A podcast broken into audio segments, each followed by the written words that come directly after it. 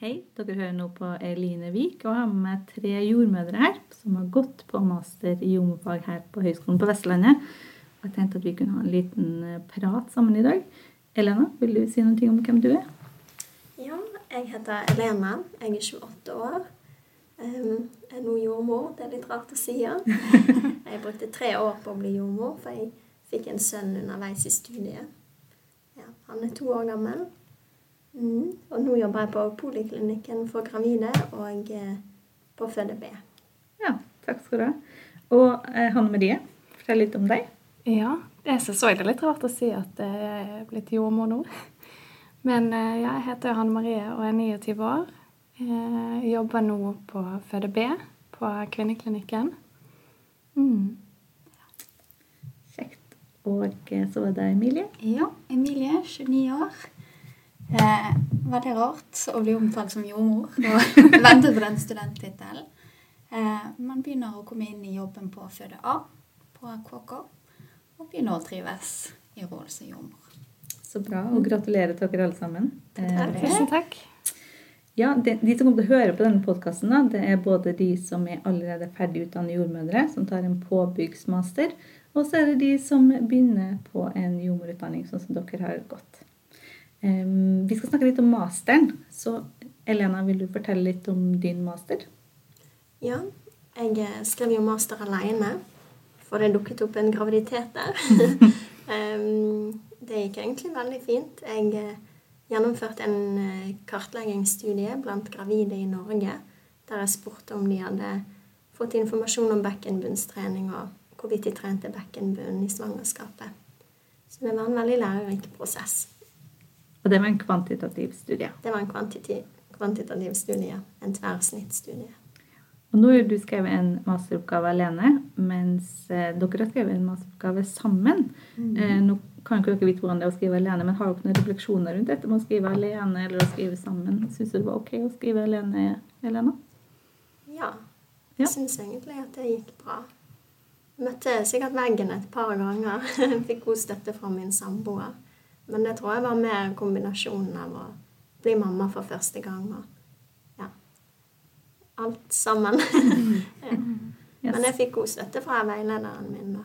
Savna du av og til å ha en å skrive sammen med, eller? Ja, jeg savnet vel kanskje en eh, til å motivere meg i tider når det gikk litt trått. Men det, det gikk greit å på en måte drive arbeidet framover, da. Mm. Mm. Og eh, Hanne Marie og Emilie. Mm. Dere skal jobbe sammen. Hvordan var det? Det var jo en veldig kjekk prosess. Mm. Eh, vi var jo sånn sett heldige, for vi har jo vært kollegaer som sykepleiere gjennom flere år. Så mm. vi kjenner hverandre jo veldig godt. Ja, gode venninner på forhånd. Ja. Og det hjalp nok veldig med at vi har samarbeidet veldig godt og motivert hverandre. Og ja, fått prosessen til å gå som ja, på skinner. Det vi har hatt det veldig fint og har en god opplevelse mm. med hele masterstudiet og masteroppgaven. Mm. Så vi er veldig fornøyde. Vil dere fortelle litt om masteroppgaven deres? Ja, det kan vi gjøre. Vi skrev en kvalitativ studie da. Mm. Eh, der vi intervjuet eh, det var vel elleve jordmødre fra mm. ni ulike kommuner i Norge. Så vi skrev om, eh, om deres erfaringer med hjemmebasert barselomsorg under pandemien. Mm. Og pga. Mm. covid så kunne vi ikke reise, og derfor fant vi ut at vi inkluderte hele landet, siden vi likevel måtte gjøre intervjuene digitalt. For å få et perspektiv på hele landet, og ikke kun Bergen kommune, som var utgangspunktet for oppgaven. Mm. Mm. Så dere opplevde at, at, det ble en litt endring i prosjektet fra start og til dere var kom litt uti? Mm. Ja, for egentlig skulle vi skrive en prosessevaluering og følge opp en eh, master fra året før oss. Eh, det var jo før covid. Så når det kom, så var det såpass interessant og aktuelt at vi endret eh, egentlig hele oppgaven og fikk et nytt perspektiv, for vi skjønte at covid-19 kom til å bli Et naturlig samtaleevne ja, i disse intervjuene. I intervjuene. Så da tok vi heller og hadde det med i mm. problemstillingen og hadde det fokuset. Jeg vil jo tro at mange som skriver en master, opplever at man har en plan først, og så blir det litt endringer. Elena, hvordan var det for deg? Ble det noen endringer på veien, eller ble det sånn som du hadde tenkt fra start? Det ble vel litt endringer, ja. Med at eh, jeg i første omgang gikk veldig sånn bredt ut og ville ha svar på ganske mye. Men jeg skjønte ganske raskt at eh, altså sånn, selv om det er en masteroppgave man har Man hører alle andre som tar masteroppgaver, de sitter i eh, ja, døgnet rundt og skriver og skriver. Så vår masteroppgave er kanskje litt mindre. Den er på 30 studiepoeng. Og det å, man skal ikke finne opp hjulet i denne omgang. Så jeg måtte snevre inn oppgaven ganske mye ut ifra utgangspunktet mitt. ja. Mm. Ja, det tror jeg også det er mange som opplever. Vil dere si at det var sånn for flere i kullet deres, eller? Jeg tror det at det var flere som trengte større når de først begynte, og så skjønte at man må ha et mindre fokusområde for at det skal være gjennomførbart. Mm. Men kan kan ikke si noen ting om de forventningene dere hadde til eh, masteroppgaven? Nå blir jeg veldig opptatt av masteroppgaven. Dere er jo litt opptatt av studiet også, sikkert. Men akkurat masteroppgaven, hvilke eh, forventninger dere hadde til de før dere begynte? Der hadde jeg egentlig ingen forventninger når jeg begynte. Så ble jeg litt skremt første uken med at eh, det ble presentert som veldig krevende. Sånn at vi hadde jo veldig høye eh, forventninger, og så gikk det egentlig mye lettere enn det vi trodde. Eh, men det har jo gjerne med at vi har samarbeidet så godt og hele tiden jobbet eh, Ja, gjort det vi kan gjøre når vi kan gjøre det, og ikke utsatt ting. Sånn at vi har jobbet med oppgaven i to år.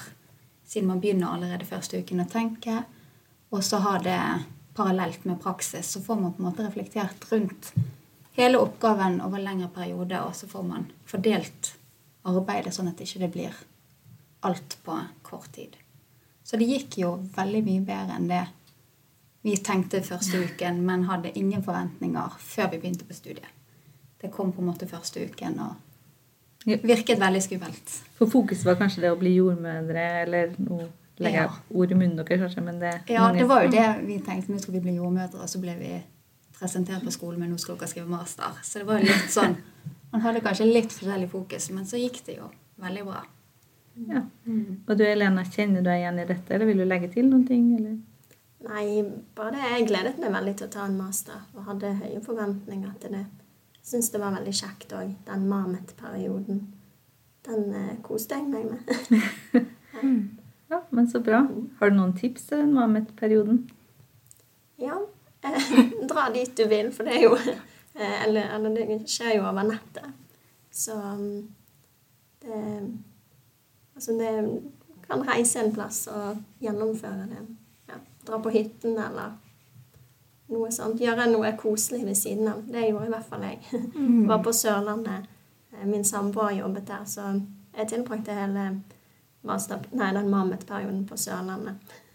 Så det var veldig kjekt. ja. Det har ikke jeg tenkt på engang, men eh, det er jo klart at det gir jo muligheter for den type ting. Eh, En, eh, Emilie og Hanne Marie, gjorde dere noe sånt, eller?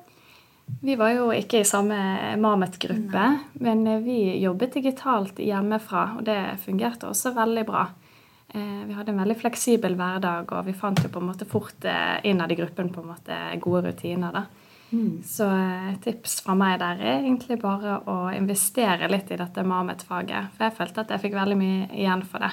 Jeg følte at det la, eller dannet grunnlaget for masterskrivingen.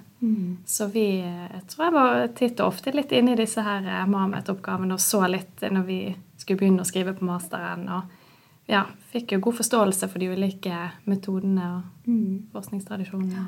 Ja, Vi satt også hjemme i min gruppe på digitalt, men det var fordi jeg var på gruppe med to som kom fra andre byer, så de dro hjem. Eh, og det fungerte veldig fint for oss. Men jeg vet at det er andre grupper som var på skolen og hadde stasjon her. Ja. Så det er bare viktig å snakke med gruppen sin og bli enig, sånn at det ikke det blir ja, at noen vil noe og andre vil ikke. At man må gjøre litt kompromiss og møte hverandre der man er. Og nå skal jeg være ansvarlig for dette Mamet eh, i år, og mm. da kan jeg jo få litt tips av dere. da. Hvor mange bør man være på disse gruppene? Hvor mange var vi da? Der var Vi var tre, Tre. men så eh, skjedde det noe hos eh, hun ene som gjorde at hun ikke var så mye med.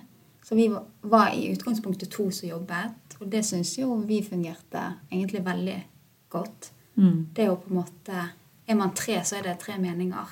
Eh, vi hadde bare hverandre. Det var veldig lett for oss å, å samarbeide. Dere var vel fire på Mm. deres gruppe. Mm. Fire, ja. Ja. år var fire. ja. Mens i kullet vårt var det vel mest som var tre. Og så pga. det var ikke gikk opp i tre, så var det vel kun dere som var fire, tror jeg. Ja, kanskje. Ja. Mm. Så det er et litt poeng da, at det ikke er for mange i hver gruppe, tenker dere? Det tror jeg. Ja. Ja. Jeg tror tre er en god Ja, et godt antall. Tenker dere at det bør at man bør bytte gruppe i løpet av perioden, eller er det veldig fint å være samme gruppen? Vårt samarbeid fungerte veldig fint, så jeg ville ikke byttet midtveis. i hvert fall.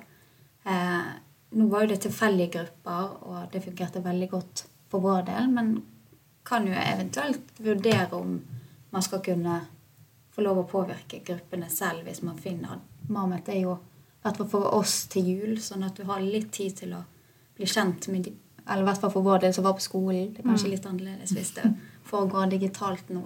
Men at vi hadde en fordel med at vi var på skole og ble litt kjent med hverandre.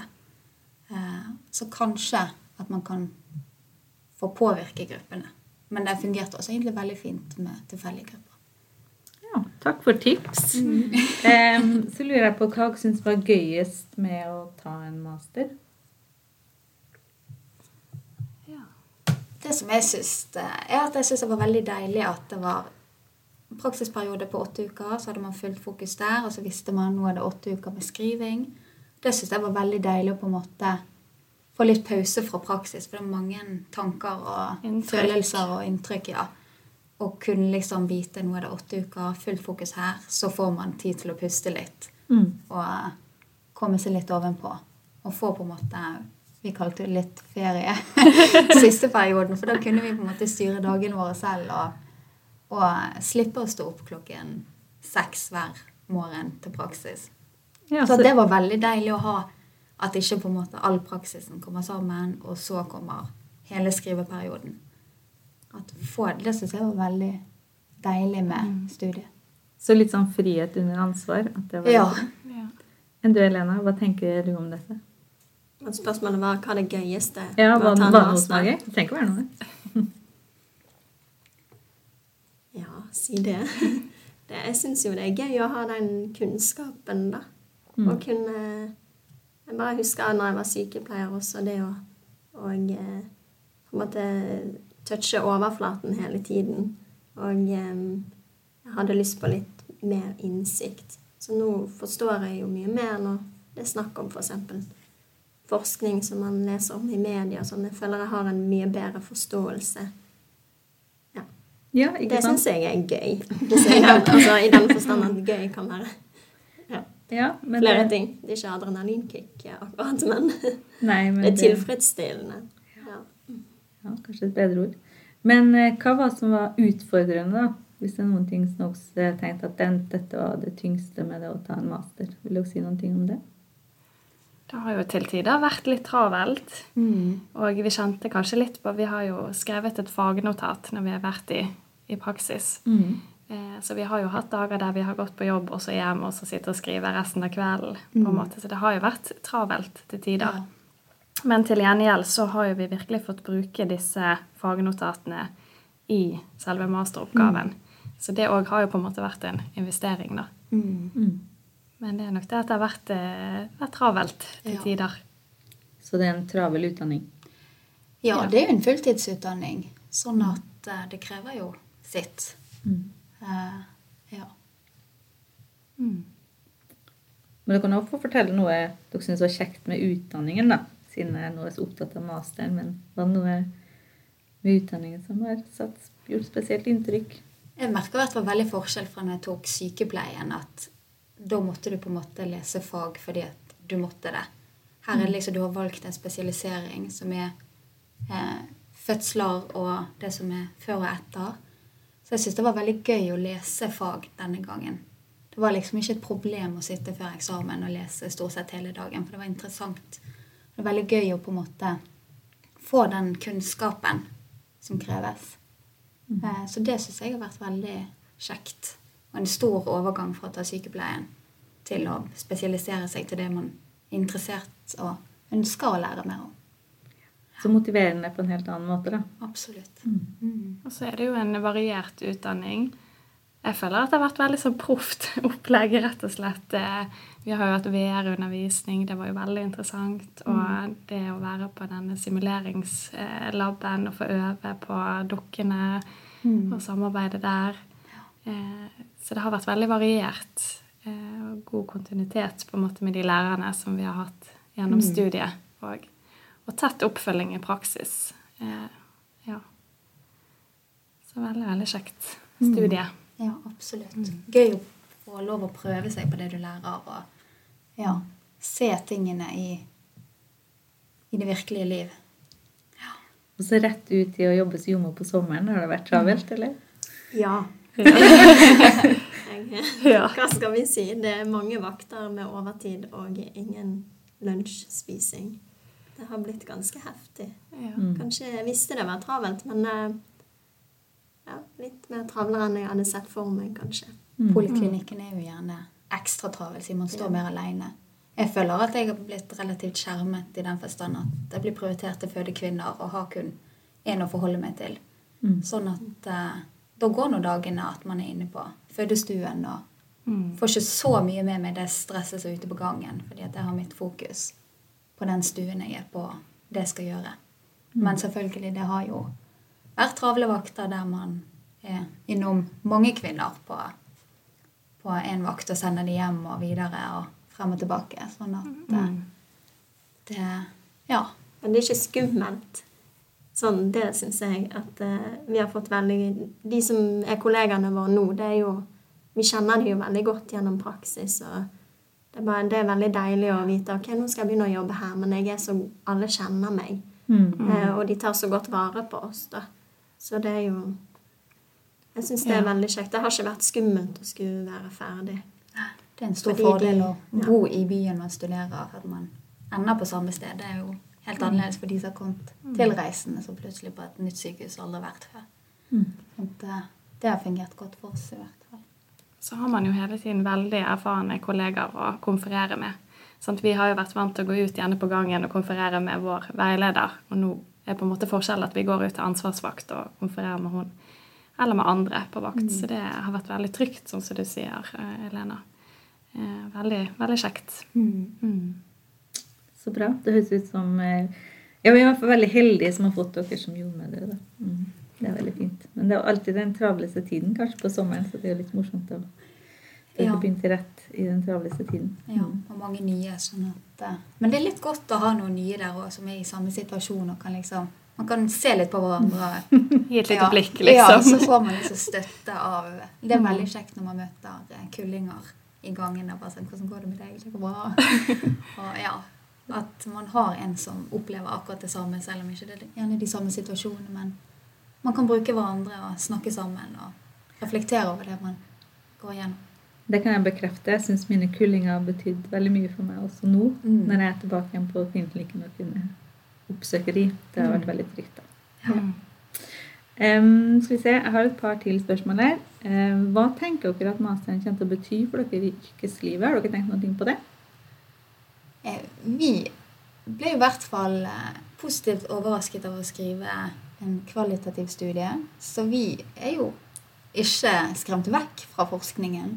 Kommer kanskje ikke til å begynne på noe nytt med det første, men nå er vi i denne prosessen med å kanskje prøve å publisere artikkelen vi skrev. Mhm. Så det hadde jo vært ganske kult å bli publisert jordmor. Så får vi se hvordan den prosessen går. Mm. Eh, Sånn at vi i hvert fall ikke er skremt vekk og tenker at den masteren skal bare legges på hyllen. Vi vil se om vi kan bruke den til noe og, Mhm. og ta del i forskerverden. Spennende. Elena, du sa noen, noen ting i sted om dette med hva det betyr for deg å ha den kunnskapen som forskningsutdanningen gir deg. Vil du si noe mer om det, eller?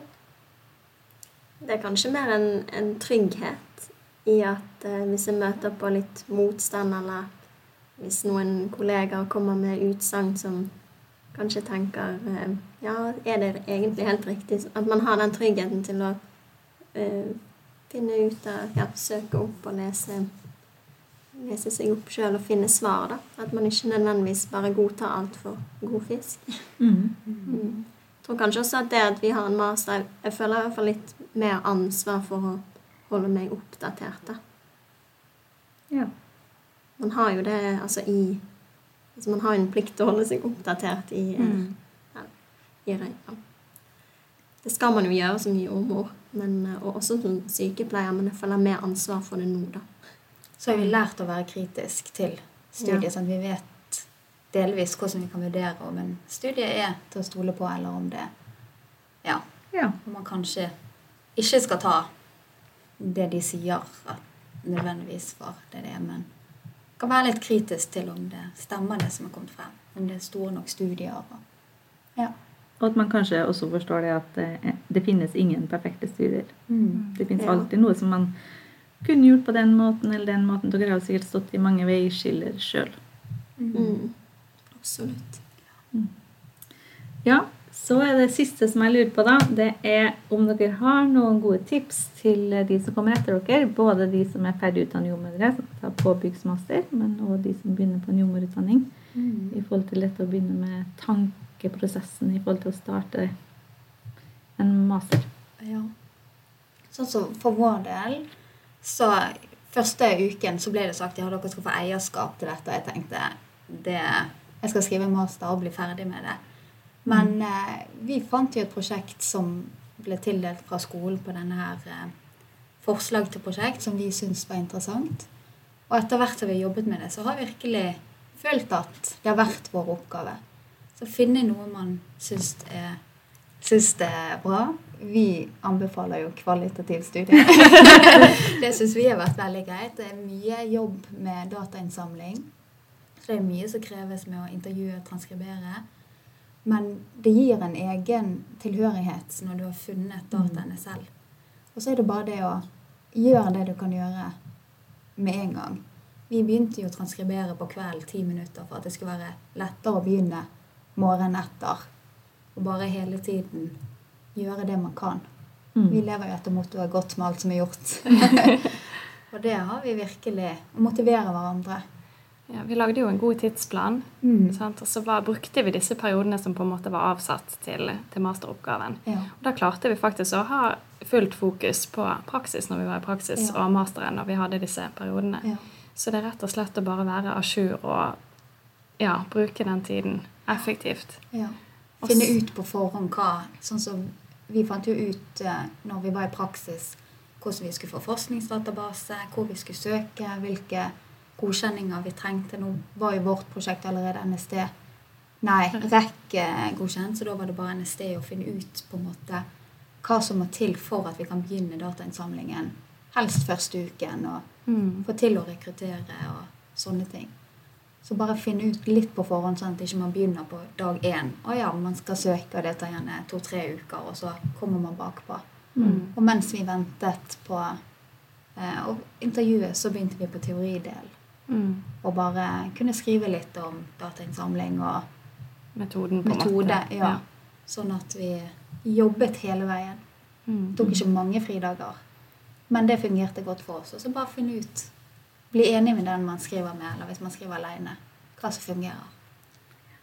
Jeg liker veldig godt kvalitative prosjekter, men også gjør et slag for kvantitative prosjekter. Elena? ja. um, jeg syns det var veldig gøy å skrive et kvantitativt prosjekt, bare sånn at det er sagt.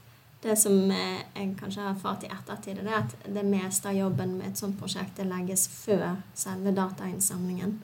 Og bare investere veldig god tid der og da.